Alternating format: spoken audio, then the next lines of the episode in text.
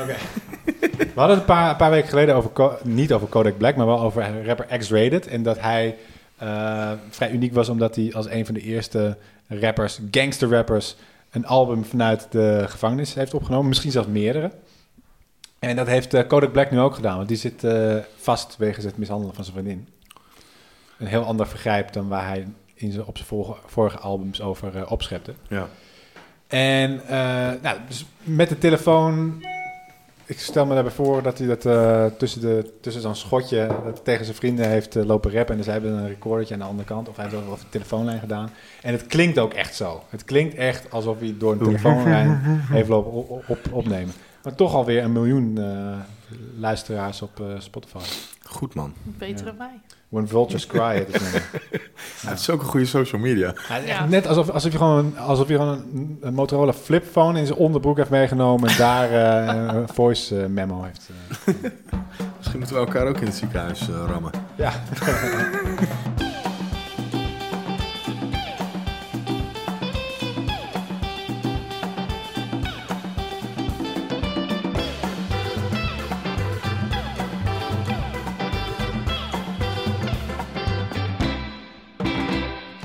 Je luistert naar Borrelpraat, een podcast met de hoogste feitdichtheid van Nederland. Elke vrijdag drinken we met z'n drieën een stuk in de kraag en brengen we ieder een interessant weetje mee om elkaar mee te verbazen.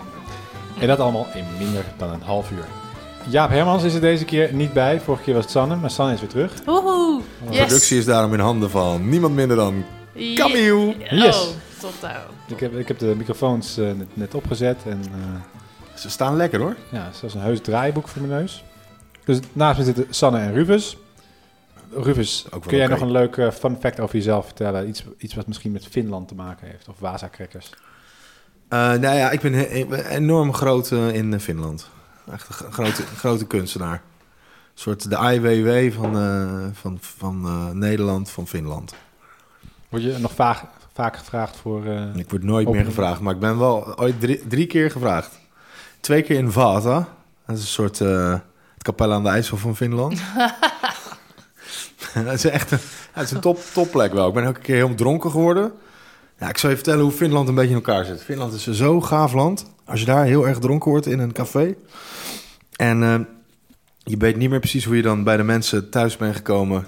Die, waar je dan mag slapen, omdat je dan... Ja, je, bent wel, je hebt ergens een, een, een soort tentoonstelling, maar het is niet, niet met hotelovernachting of zo. Het is gewoon punk rock, zou ik maar zeggen.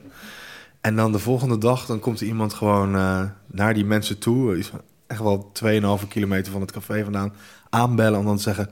eh, deze portemonnee is volgens mij van iemand die bij jullie eh, blijft Echt slapen. waar? En daarom zijn het de gelukkigste mensen ter wereld. Ja. Zeker weten. Deze en kreeg er een Nokiaatje bij. Gratis Nokia. Lief zeg. Free Nokia.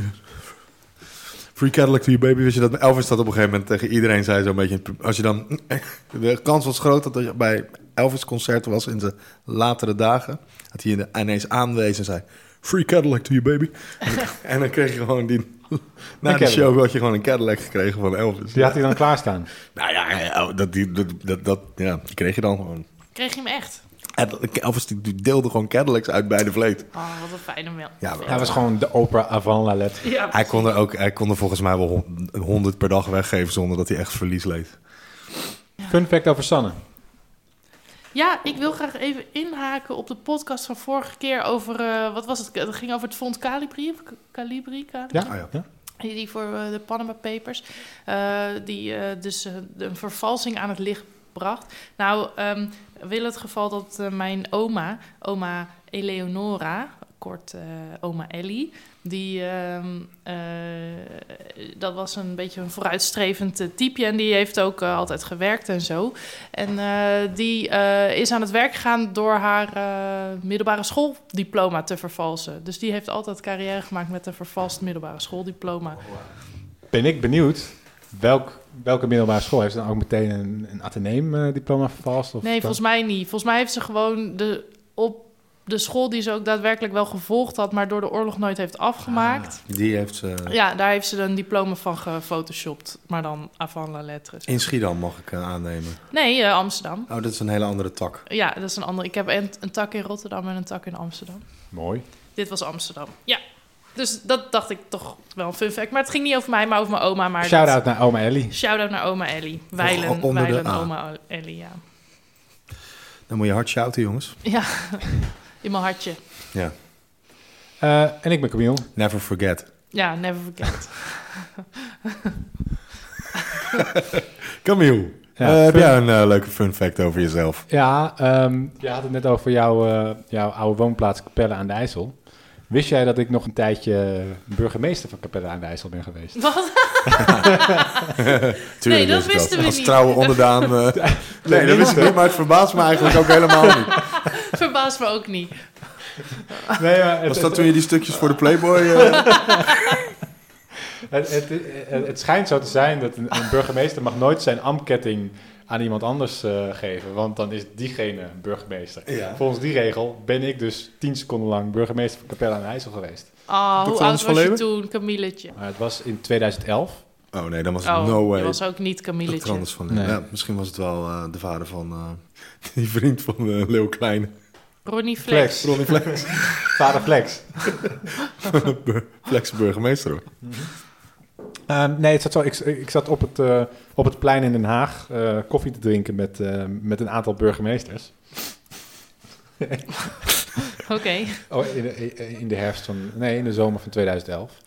En we waren aan het wachten op een fotoshoot. We hadden een fotoshoot gepland op het plein.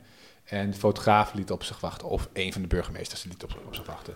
Dus ik raakte aan de praat met de waarnemend burgemeester van Krimpen aan de IJssel. Hmm. Een checkrokende dame, een hele leuke dame. Een En- aanpalende gemeente. En ja, en eh, haar uh, ambtscollega van Capelle aan de IJssel. En toen vroeg ik op een gegeven moment aan hen twee... Ik durf het bijna niet te vragen, maar toen wisten ze al wat ik ging, wat ik ging vragen. en toen zei die, eh, die plaatsvervangende burgemeester van, bur, uh, van Capelle aan de IJssel... Ja, dat mag eigenlijk absoluut niet. maar Capelle vond het wel oké. en ik mocht één foto laten maken met de Blackberry van, van een collega.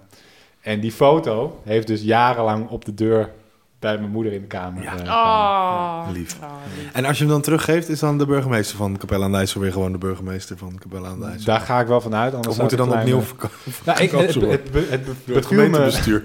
het beviel me wel heel erg om eventjes burgemeester te zijn. Toen zei ik van, kan ik ook burgemeester worden? Toen zeiden ze al, ja.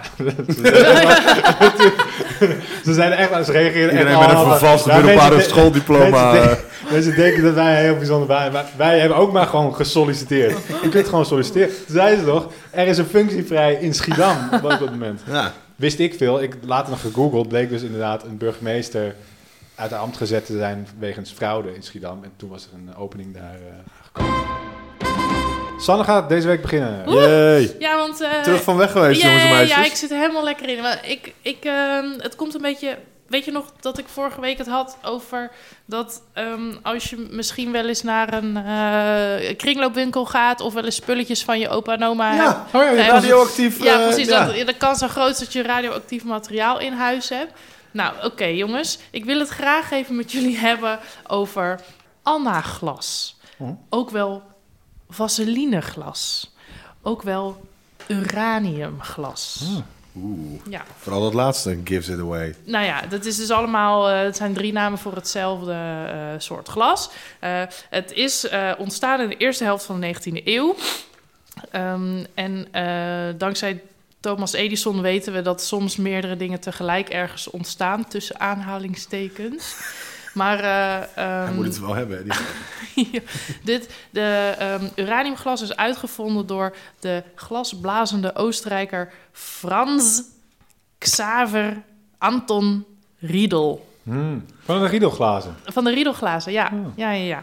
En ehm, die wordt als pionier gezien eh, in Is dit het ook de eh, bedenker veld. van de appelsap en de sinaasappelsap en de Nee, die riedelglazen die gaan er een beetje vanuit van... eh, oké, je hebt verschillende soorten wijn... dan moet je dus ook verschillende soorten vormen Voor 23 wijnglazen. euro per stuk, ja. Ja, Hmm. een portglaasje of... eh, ja, daar- ja, Je krijgt ze wel eens voorgeschoteld bij eh, designgevoelige vrienden en kennissen. Show notes eh, linkje?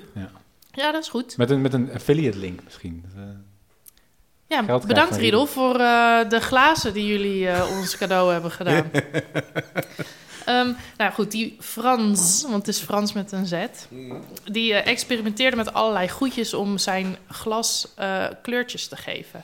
En eh, nou, toen kwam hij erachter, en dit speelt dus begin 19e eeuw, toen kwam hij erachter dat uraniumzouten dus supermooie gele en groene ja, kleur geeft aan je glas. En dit is dus voor de tijd dat men wist dat je er ook kernbommen van kon maken en zo. Eh, Frans die had eh, eh, dus best wel een ontde- ontdekking gedaan, want het was echt vet mooi, ziet het eruit. En die vernoemde het naar zijn dochters. Zijn uitvinding vernoemde hij naar zijn dochters Anna en Eleonora. Shout-out naar oma Ellie. Mooi, Daarom mooi. is het... want Mooi eh, die, bruggetje. ja, mooi bruggetje. Ja. Alleen de naam Anna Glas is overeind gebleven. Eleonora was dus eigenlijk helemaal niet zo interessant om hier te noemen, behalve dan vanwege oma Ellie. Ja. Maar goed, eh, Anna Glas dus heet dat, of Anna Groenglas. Maar als je op Marktplaats gaat, dan eh, kan je het ook gewoon even vinden. Want het is nu voor verzamelaars, want het wordt niet meer gemaakt. Ehm, eigenlijk was het zo dat eh, die glazen in de Tweede Wereldoorlog verboden werden om te maken. Omdat ze uranium toen kaart nodig hadden voor andere doeleinden. Zoals atoombommen en zo. Maar hoe wisten de mensen dan... Dus het Ze- werd verboden. Uranium mag niet, meer, ge- mag niet meer gemaakt worden. Of niet, geen glas meer van worden gemaakt. Maar waarom dan? Ja, we hebben het voor andere dingen nodig. Ja, wat dan? Mogen we niet zeggen. Weet niet hoe dat ging. Nee, geen idee. Maar die glazen, die mooie groene glazen, die zijn dus radioactief. Ja. Want een, eh, een, een geigerteller, hoe heet Mhm, dat? ja. die, die slaat ervan uit als je hem erbij houdt. Maar ze geven dus ook waanzinnig licht in blacklight. En dat is dus Serieus? ja, heel, best wel fel. Eh, en dat is, ja, het ziet gewoon, het zijn echt een soort partyglazen. En eh, nou die, die Oostenrijker die haalde dat uranium uit een mijn in Oostenrijk. En dat is dezelfde mijn als waar Madame Curie, uitvinder van de radioactiviteit en schrijfster van het eerste vrouwelijke proefschrift in de natuurkunde, Mhm. ook haar uranium vandaan haalde. Maar wat, deden men, wat deed men voorheen met die uranium? Voor dat de grond glas? laten zitten of zo? Ja, nou een beetje. eh, Ze hadden wel een beetje door dat het een, eh, een eh, geinig eh, goedje was, zeg maar. Dus ze waren gewoon een beetje testjes mee aan het doen. Een beetje wat die Madame Curie ook deed. Die deed gewoon De een stopt het in zijn glas. Ja, ander... kijk van, oh wauw, het maakt het mooi groen. Dit, oh kijk eens aan, het geeft licht in blacklight. Oh kijk eens aan, eh, het ontploft vrij makkelijk. En ehm, eh, Madame Curie is uiteindelijk ook overleden in, in 1934 aan leukemie. Die wist ook, niemand wist dat, het zo, dat, die, dat die straling zo, eh, zo gevaarlijk voor je was eigenlijk. Maar goed, er zijn echt tonnen, tonnen van dat glas geproduceerd. En dan heb ik het echt over nou, schaaltjes, eh wat- vazen, Ja, bonbon, bonbonnerietjes. Ja, dit, want die, daar, die En wat doen die dan gezien. nu op uh, Daar heb ik heel veel bonbons van gegeten, van dat soort glas. Ja, Nou ja, bij mijn oma, eh, zeker weten. en eh, kralen ook. En eh, in Japan maakten maakten er, ze er ook mistlampen van, van voor eh, lo- locomotieven. Mistlampen? Mistlampen, ja. Je kan het gewoon nog steeds kopen. Het is ook helemaal niet super duur per se. Maar het mag, het mag niet meer gemaakt worden, geloof ik. Het is, toen werd het verboden. Misschien mag het inmiddels weer. Maar ik denk het eigenlijk niet. Maar is het ook, eh, zeg maar, als je, er, te- als je het aanraakt, eh, kan je dan radioactief besmet worden? Of als je het inslikt? Of hoe, hoe moet dat zien? Als je Nou, eraan likt? Nou, er is dus wel onderzoek naar gedaan van met zo'n. Het slaat dus uit als je er zo'n teller bij haalt. Die gaat ratelen ervan. Maar kennelijk uit een of andere studie is wel gebleken dat het. Dat het ja, de hoogte van de straling verwaarloosbaar is. Maar ik had zelf wel een beetje zoiets van... want ik wilde eigenlijk een glaasje bestellen... voor hier als prop in de studio. Of ik bedoel, Ja, we hebben nog zelfs aan gedacht om te doen alsof je dat Ja. Zo, eh, oh, mooi. Ja, Oh, leuk. Oh ja, Maar dit zijn waanzinnig. gewoon normale Duralex gazen. Ja, maar eh, ik dacht toch van... Want het kost echt een tientje of zo. Dat maakt allemaal niet zoveel uit. Maar ik dacht echt van ja, en dan? Dan staat het in mijn kast. En dan ben ik de hele tijd zenuwachtig erover... of er toch niet straling precies. zat. En zou je eruit drinken? Ja, ik weet niet. Het geeft toch een beetje een raar gevoel. Dus je moet er even een ultraviolette lamp bij Exact. houden en dan... Dan weet je net of je het in Dan de wordt kast het net hebt. zoals eh, wijzers van, eh, van klokjes. Ja. Dat vertelde mijn natuurkundeleraar ooit over eh, dat eh, de dames, waren met name dames die in de Zwitserse horlogefabrieken de radium op de wijzers deden, eh, verfden, dat die allemaal doodgingen aan mondkanker, omdat ze niet door hadden dat ze de hele tijd Ah, die, een penseeltje nat maakten en dan radium op hun eh, tong kregen. Oh, oh, dat is echt een naar verhaal. Oh ja, trouwens heb ik ook nog even, omdat ik weet dat iedereen zich dat afvraagt, opgezocht waarom een gin tonic licht geeft in blacklight. Is dat zo? Ja? Oh, wist je dat niet? Oh, daar ben ik wel benieuwd naar, ja. Nou, ehm, dat komt dus niet door de gin, maar dat komt door de tonic. Dat is wat eh, het zo'n blauwe gloed geeft, de Black Light. En dat komt omdat het quinine bevat. Ja.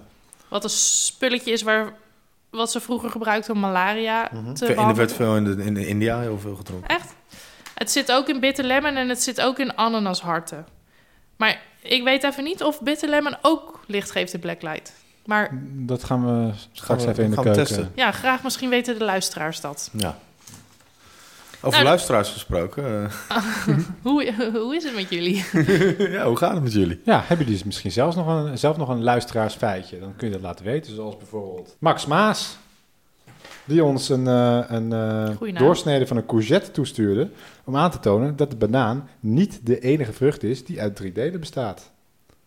Is courgette een vrucht? What do you have to say for yourself? Nou ja, kijk, dat is, kijk aan de aanleiding van... Ik, heb dat, ik had dat, eh, dat fotootje van Max, eh hoi Max, had ik naar eh, Jaap ook gestuurd. En die heeft me er ook een foto van teruggestuurd van een komkommer... waarbij dat ook het geval schijnt te zijn. Maar kijk, dit- je kan zien dat vanuit het centrum van die... eh, hè, als je een, een, een, door, een doorsnede maakt, zo loodrecht op een banaan... of op een komkommer of een courgette... dan bij een banaan valt hij gewoon in drie delen uit elkaar. Hè, van, eh, het, van het Echt centrum niet? loopt hij gewoon naar het eind Oh, toe. zo, maar hij valt niet uit elkaar. Nee, hij valt niet uit elkaar, maar je kan hem heel makkelijk uit elkaar Ja, oké. duwen. Ja, Door de structuur van de Als die banaan. banaan droog zou zijn, dan misschien wel. Maar dit heeft een courgette helemaal niet. Die heeft in het midden, hè, zo'n soort van, dan, dan, zie je dat hij uit drie, ja, een soort van, in, vanuit het centrum gaat hij, eh, maakt hij drie gelijke delen van die courgette. En dan ergens halverwege stopt dat. ja. Dus je kan een courgette daardoor niet heel makkelijk, zoals een banaan, door drieën delen en aan een peuter voeren. Maar verder vond ik dat wel echt waanzinnig gaaf dat het mensen was opgevallen. Ja, en is super leuk. En eh, ook, eh, het- het- misschien heeft, hebben alle, ehm, eh, hoe noem je die vorm ook weer? Een, Vallische vruchten. nee, ja, zo. een, een, een oude docent van mij zei dan altijd, eh, en dan denk ik op mijn beurt, a dirty mind is a joy forever. maar, ehm shout-out naar Koen. Eh, maar eh, ja, ik vind het toch eh, niet helemaal, eh, nee, ik ben niet overtuigd. Oké. Oké. Willen jullie misschien een glaasje whisky bij de, Nou, bier? die Ja? fles staat hier. Ik dacht echt. Over die Komt het er glazen van? gesproken. Rufus, je hebt dirt over een Nederlandse rock'n'roll artiest. Wacht. Tududum. ja. Ja, nou, dirt. Nee, ik heb helemaal geen dirt. Ik wil juist een lans breken voor Jan Rot. En Jan Rot, eh, geboren te Indonesië eh, op eerste kerstdag 1957. Eh, die, voor de jonge luisteraars onder ons is een componist en een tekstschrijver, een soort zanger ook. Hij wordt ook wel gezien als een soort van Nederlandse eh, like a surgeon en eh, El Jankovic. is een soort Weird moet je Oh, wel, nee. wel eigen, eigen of Weird Al Yankovic, zoals sommigen hem ook noemen. Leukste columnist van de Nieuwe Revue ooit. Hij was columnist, ja, Ja. en ook, ook bij de Avenue. Maar Heb je een fotootje even? ja, nou, kijk, ik heb hier even een foto van eh, eh, Jan Rot in 2008 Ja, op precies. Hij, ja. Wikipedia. Wow, die foto is best wel intens. Mm, Niet, niet een, ja, niet een heel een beetje op de Joker. flatteus. Ja, Flat- Maar ja, dat is ook wel weer een beetje Jan Rot. Een, een mannetjesputter, een, eh, een, een enfant terrible. Ja, iemand, en, en dat, daarvoor kom ik er eigenlijk op... eh, die op Wikipedia dan eh, bijvoorbeeld als volgt eh, omschreven wordt... in het eerste alineaatje daarover... Eh, een doorbraak bleef aanvankelijk uit. was dat de eerste De zin? eerste zin. Nee, nou, eerst wordt hij dan genoemd. En hij werd muzikus in 78, maar een doorbraak bleef aanvankelijk uit. En dan, eh, hij deed werk voor verschillende media- en theatertournees. In de jaren na 2000 werd hij vertaler van hits van anderen... en van beroemde werken uit de klassieke muziek. En Klinkt net alsof Jan Rot eigenlijk een soort van risé is... of een soort, ja, iemand waar je niet al te hoog van eh, opgegeven wordt in elk geval. Terwijl eh, anno nu zou je gewoon eh, waanzinnig populair en beroemd zijn als je Jan Rot, als je had bereikt wat Jan Rot allemaal ja, wel niet heeft gedaan. Het is een soort, ja, so- een soort socialite en natuurlijk ook eh, in Nederland is veel te klein voor Jan Rot, eigenlijk. Waar had ik hem van kunnen kennen? nou, hij kwam op televisie, hij kwam in spellen, spelshows en zo. En eh, eh, hij was een columnist bij de Avenue, een nieuwe revue. En hij, maakte, hij presenteerde een homo-programma, dat heette Lieve Jongens Allemaal Oh, bij ja. RTL. Oh, ja, ja, En eh, eh, eh, En Socialite. er staat, in- er staat bijvoorbeeld ook in, op Wikipedia... In muzikaal opzicht raakte Rot deze periode bekend als de man... die van zijn gebrek aan succes zijn handelsmerk maakte. Boudewijn Buug zei daarover... Jan Rot staat aan Nederlands top in het cultiveren van zijn eigen miskenning. Maar daar ging het ook vaak over. Hè? Hij had ook had een plaat die met- heette Single... en die ging ook over dat hij...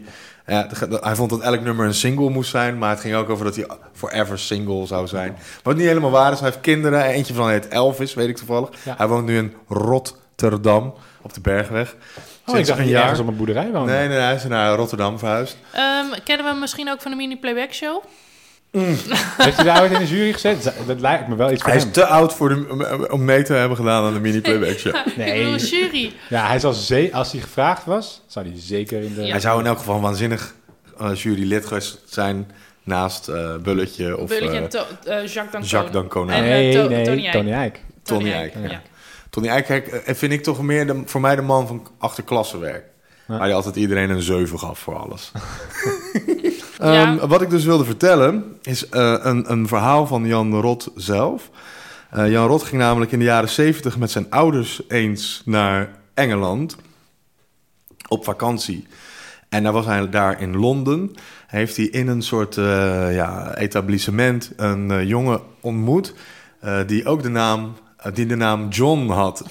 En eh, Jan Rot die zei tegen hem: Oh, dat is grappig, want ik heet ook in eigenlijk John. En toen zei die jongen: Oh, ja, hoe heet je dan? En zei hij: Ja, eh, ik heet. Jo in, als je het zou vertalen, heet ik Johnny Rotten. En toen zei die jongen die John Lydon heette: Oh, dat is een uh, goede naam, zeg. Dus Jo- Jan Rot beweert dus dat Johnny Rotten Echt zijn waar? naam heeft van Jan Rot. Echt? Ja, dat is wel een topverhaal natuurlijk. Dat Ehm, zou ik ook beweren als ik Jan Rot was. Ja, nou ja, eh, ik ook. Maar het zou ook nog best eens waar kunnen zijn om met de legendarische woorden van kapitein Ortega te spreken. ja, goed, dus dat, hoe, hoe waanzinnig is dat Ja, niet? wel, ik, ik ben zelf ook een enorme Jan Rot fan. Ja, dat geloof ik. Wat, wat ik jou al, al- al een tijdje geleden vertelde, ik heb zelfs een gesigneerde cd van Jan Rot. En single, heb je die? Ik Of heb een niet andere? single, ik heb wel Rot voor jou, waar hij op een, op, een- op, een, op een fiets springt op de, op de cover. En daar staat op... Heet die CD Rot voor jou? Ja, Oh, Nou, nee. op een fiets springt. Dat is grappig dat je het zegt. Want hij heeft volgens mij dus ook eh, eh, Turks fruit vertaald. de, de, de, de, ha- de mondharmonica van Toets Tielemans heeft hij vertaald. Nee, hij heeft gewoon het... eh, het hele boek. Ja, nou, het, niet het boek, maar er is volgens mij is er een musical van eh, geweest. Oh ja, dat was het inderdaad. Hij, hij is musical vertaler. Dus hij heeft ook bijvoorbeeld Doe maar de musical uh, Ja, grotendeels geschreven. exact. En toen speelde hij ook Pa. Hij speelde Pa in Doe maar de musical. Echt waar? Ja. En Jan Rot heeft mijn, mijn alter ego ooit gevolgd op Twitter. De burgemeester van Capelle? Nee, dit leuk, voor, leuk geweest voor een, een fun fact aan het begin van de uitzending. Maar met een aantal vrienden heb ik uh, jarenlang uh, het Twitter-account Frits van Echters uh, bestierd. Oh. en de gewoonte was dan om van 22 december tot 1 januari elke dag citaten uit de avonden. Precies op het moment dat het plaatsvindt in het boek. Ging dat over de, die periode? En dat was ook op de verjaardag dus van Jan Rot, zat, zat er precies middenin. Nou, Jan Rot was dus een van onze meest actieve, volgers. motiverende volgers. een andere was Taylor Holman, ja. Jan Rot die, uh, stond er ook een hele tijd lang op uh, voordat hij, uh, dat hij hotro was. Ja, hij was hij, inderdaad een soort... Hij was niet bi, hij was hotro. Hotro, ja. En dan zei hij met, zijn mooie, met zijn mooie stem... Ja, want... ja, ik kan het niet nadoen, maar... Zei van, ja, als ik met een jongen in bed lig, dan ben ik homo. En als ik met een vrouw in bed lig, dan ben ik hetero. Dus dat is het. En daar schreef hij ook geweldige columns in de Nieuwe Revue over. Vooral ook over de details in, uh, in sauna's en darkrooms. Hij was echt alles Geweldig, aan van la lettre. Echt? Uh, rot. Ja, Het was echt een wilde bras. Ja, en dat Zeker. Vertelde hij ook de meest, meest smerige dingen die hij dan meemaakte in zo'n in zo'n uh, in zo'n homosauna. Dat hij dan zei van, ja, uiteindelijk ben ik er dan toch gewoon vooral mee bezig. Oh, hier zit wel een column in. Hoezo smerig? Um, nou, het, de handeling waar die column over ging, was behoorlijk smerig, ongeacht uh, de okay. geslachten Onge die ongeacht er bij, bij uh, zijn. Ja. Okay. Op naar het eh, laatste feitje van de uitzending. Die gaat over. eh dit is ook een cliffhanger voor geweest. Een paar afleveringen geleden hebben we het gehad over eh Tante Truus, die eh, het Hmm. kindertransport eh, in gang Oh heeft ja, gezet. ja, ja, ja, ja, ja. En eh, daarmee maar liefst twee Nobelprijswinnaars eh, het leven heeft Ja, ja, ja, ja. Eén daarvan is Arno Penzias. En- Tadadam. Da- da- da- na- na- na- na- Oh no. Ja, precies.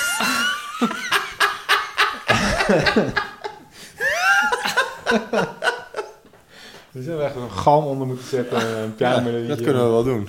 Arno. Arno Penzias. Een half uurtje GarageBand voor me. winnaar, winnaar Nobelprijs voor de natuurkunde samen met eh, George Woodrow Wilson, vernoemd naar een van de presidenten, eh, in 1978. Dat kreeg hij voor het ontdekken van kosmische achtergrondstraling, wat een bewijs vormde voor de Big Bang. Ja. Eh Arno we gaan even terug in de tijd. Oh, De 20e eeuw. Ehm bonusfeitje van, van deze aflevering is dat, eh, wisten jullie dat? De Big Bang Theory, notabene, is eh, grondgelegd, als dat een woord is, door Georges Lemaitre. En dat was een katholieke priester uit België. Dus een katholieke priester heeft de Big Bang eigenlijk bedacht. In welk jaar? ja, maar en in Eh, welke context? Nou ja, Iets met Adam, Eva. nou, ik kan me voorstellen dat hij was, hij was naast eh Was priester... dat de naam dus- van een soort van jongetjesavond die hij had? Oh. Ehm, nee, nee, ik kan me voorstellen als je, als je en priester bent en je bent professor natuurkunde in eh, Leuven, dat je dan gaat denken, ja, hoe rijmt dat met elkaar? En hij heeft dan waarschijnlijk afgevraagd van wanneer is het begonnen? Hoe heeft God inderdaad op die eerste dag alles geschapen of het, het begin geschapen? Wat was het? Het licht? Het licht geschapen. With Nou, a bang. Ja, en hij dacht, er moet dus een moment zijn geweest dat er iets aanging. Hmm. Ik weet niet of hij toen al de Big Bang of Le Big Bang eh, heeft genoemd. Le Le Big Grande. Maar daar gaat mijn feitje helemaal niet over. En ik, ik loop nu al uit. Le Big Bang. Ik wil naar 1948 doorspoelen. Toen Ralph Alver in zijn promotieonderzoek samen met zijn docent George Gamow de Big Bang Theory in- introduceerde voor het grote publiek. Aan de hand van een, eh, een berekening die ze hadden gemaakt eh, van de verhouding waterstof en helium in Ja, het uh, Groot publiek tussen aanhalingstekens. ja, voor de, de geïnteresseerde wetenschappers. Ehm Alver had er best wel een serieus onderzoek naar gedaan en, en, en dat had ook heel erg opgepakt kunnen worden. En had ook veel serieuzer genomen kunnen worden, waar het niet dat zijn promotor George Gamow een geintje had uitgehaald met zijn dokter, hoe heet het? Dok- promotieonderzoek, doctoraat. Ze hadden het artikel ge- oorspronkelijk ge- eh, gepubliceerd als Ralph Alver en George Gamow, dus Alver en Gamow. En ze zei Gamow, hey, weet je wat? We gaan mijn vriend Hans Bette ook vragen of hij ook wil meeschrijven aan het artikel. Want dan hebben we een artikel, heet, is geschreven door Alver, Bette en Gamow. Zoals de, het Griekse, Griekse alfabet. Mm. En uh, hetzelfde Wow. idee om een... Ze hebben echt veel humor, die Ja. gasten. Nou, Alver heeft Ik het altijd heel leuk. stom gevonden. ik hou wel van Ik, dit ja, soort ik vind het jongens. ook wel, vind het ook wel lief. Alver was toen een broekie die dus hele revolutionaire dingen had ontdekt. En dan moest hij dus dat niet alleen met zijn promotor gaan, gaan delen op een artikel, maar ook nog met een andere vooraanstaande wetenschapper aan de andere kant van de wereld, die iedereen wel kende. Waardoor iedereen die het las denkt van ja, die Bette en eh Gamow hebben waarschijnlijk gewoon al het werk gedaan, want dat zijn de grote jongens die Alver mocht meedoen, terwijl die eigenlijk gewoon de, de hoofdschrijver was. Nou, wat belangrijk is voor het verhaal, Voor ik, eens ik, maak. Ja. veel te lang, maar dat knip ik dan wel. Eh Nee, ik Alver- vind het goed. Sommige verhalen duren gewoon lang. ja. Op een gegeven moment heeft Elfer ook uitgerekend Goede wijn heeft tijd nodig. of voorspeld dat, dat als de Big Bang eh, heeft plaatsgevonden, dat het zou terug te lezen moeten zijn in de vorm van achtergrondstraling.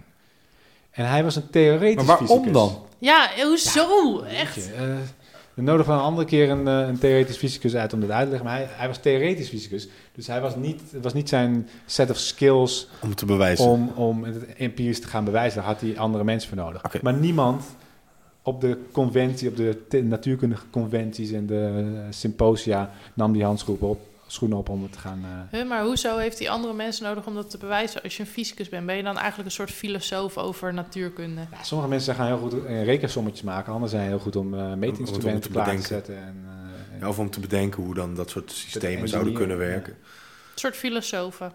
Ik denk het, Maar je hebt wel gelijk, als hij het echt heel graag had gewild, dan had hij gewoon het experiment zelf eh, kunnen organiseren. Toch? Nou, in ieder geval, Nou, anyways. kort of lang, Ralph Elver was het toen een beetje zat en hij dacht, fuck it, ik ga weg van de universiteit, ik ga lekker voor The Man werken. Niemand minder dan de nazaten Yeah. van Thomas Edison. Hij ging bij General Electric aan de slag. Kijk. En hij is nog heel, heel lang bitter gebleven. Met name toen inderdaad Arno Pentius en Robert Wilson ten tonele kwamen. Die met iets heel anders bezig waren in New Jersey in 1965. Ze hadden eh, voor Bell Labs een, eh, een radiotelescoop onder hun, eh, onder hun hoede. En probeerden ja, die goed te laten werken. Maar ze hielden de hele tijd storing op de achtergrond. Ze dachten, het komt natuurlijk omdat New York in de buurt is. En er is heel veel licht en geluid. En dat, dat stoort op de... eh, dat gingen ze omdraaien, maar dat is nog steeds storing. Fuck, het zijn die duiven. We gaan die duiven uit onze... eh, die, die poepen allemaal op onze radiotelescoop. Die gaan we echt schoonmaken. Zijn ze met, met helemaal gaan schoonborstelen, nog precies dezelfde ruis te horen. Dat is, ja, dat weet ik ook niet meer hoor. En dan kwamen ze dus in een, in een correspondentie met een Robert Dick. En die zei, ja, wij zijn toevallig iets mee be- eh, bezig met achtergrond, kosmische achtergrondstraling. En ik denk dat jullie dit misschien wel per ongeluk zijn. hebben opgevangen. Ja. En uiteindelijk hebben ze dat, eh, dat getoetst. En warempel, het bleek dus inderdaad eh, te kloppen met, met de verwachtingen. Zij hadden de straling die si- eh, sinds 13 miljard jaar al eh, eh, aan het uitdijen is in dit heelal. Hoe, maar ja, maar misschien waren, in, het in wel, misschien waren het wel die duiven. Nee. Misschien Ja. was het wel New York. Ja, hoe? Maar het klinkt altijd... Het, het klinkt altijd... Dat is toch wat het is? Ja, en als het onevenheid is, dan, dan denken we meteen dat het aliens zijn. Maar dat- Precies. En, en duiven die doen nooit 24 uur achter elkaar. Kortom, twaalf jaar later, in eh, Stockholm stonden Arno, Arno en eh, Robert met een eh, medaille om hun nek om de, de Nobelprijs voor de natuurkunde in ontvangst te nemen. Omdat zij zogenaamd Ja, zo het kan ik het bewijs ook. voor de, voor, de, eh, voor de oerknal hadden gevonden. En Robert, eh, Ralph Elver, die mocht eh, thuis het gewoon in de, in de krant lezen. Die is er dus heel lang heel bitter over gebleven. Maar gelukkig, hij, hij, hij- is tien jaar geleden overleden en heeft aan het einde van zijn leven toch nog wel een beetje de credits gekregen om dat verhaal wat ik nu vertel ook door ehm, wetenschapsjournalisten in Europa is verteld. Misschien, Noorderlicht, eh, VPRO. misschien had hij niet voor, voor Thomas Edison moeten gaan eh, werken.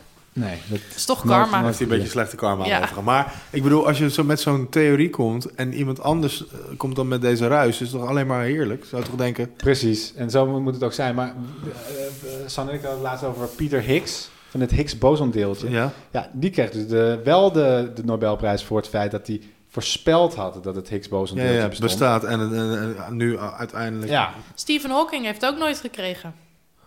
Want die heeft zijn dingen niet gemeten. nou, misschien heeft hij niet hard genoeg gewerkt. Misschien was hij te druk met gewoon een beetje de rockster uithangen. Ja, een beetje de banktheorie eh, spelen en Ja. eh, met Elon Musk eh, biertjes drinken. Voor de luisteraars die Silverlight hebben geïnstalleerd eh, op hun computer. Kun je nog terugkijken naar een eh, aflevering van VPRO's Noordlicht uit 1999, waarin eh, de makers op, zoek, op bezoek gaan bij Ralph Elver in, eh, in zijn woonplaats in Amerika, waar hij heel zuur eh, al zijn eh, verdiensten en medailles uit de kast haalt, behalve de, dus de Nobelprijs. Nou, die, die ga ik wel kijken. Ja, ik wil het kijken, maar ik heb geen Silverlight. Maar kun je het niet even down? Ja, dat vind ik, dat vind ik, eh, ik vind dat de VPRO zijn site gewoon eh, zijn Oh, dit is eigenlijk een verkap, een soort... Hoe noem je dat ook alweer? Hoe vrouwen altijd... eh passief-agressief... Ja, precies. ehm, Passief-agressieve message aan de VPRO. Ja. Top.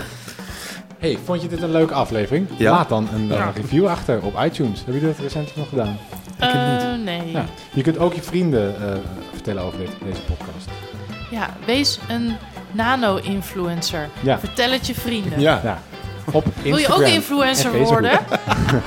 ja. Spreek erover met je naast. Hey, hoe vonden jullie het zonder Jaap? Ja, kla- klassiekertje toch? Ja, voelde, het is wel, als wel vanuit. netjes. Ik, ja, Ja, is vroeger. ik mis Jaap wel, maar Ja. het is ook leuk zo. Ja, productie in handen van Jaap Hermans volgende keer. Shout-out naar Jaap. En de tune is van de New Cool Collective. Lekker nummer. Ja. Zo. Tot volgende nooit, keer. hè. Ja, oké. Oh, wacht, wacht. We moeten weer een naald, Scratch. naaldsketch. Ehm, hebben we nog een, eh, een cliffhanger voor volgende week? Jazeker. ik wil het graag hebben met jullie over vrouwelijke hormonen en het effect daarvan op wereldleiders. Oké. Nou, ik wil het met jullie hebben over eh, de invloed van eh metverslaafden op eh, de natuur in Amerika. En ik wil het over alle twee die onderwerpen met jullie hebben. Gezellig.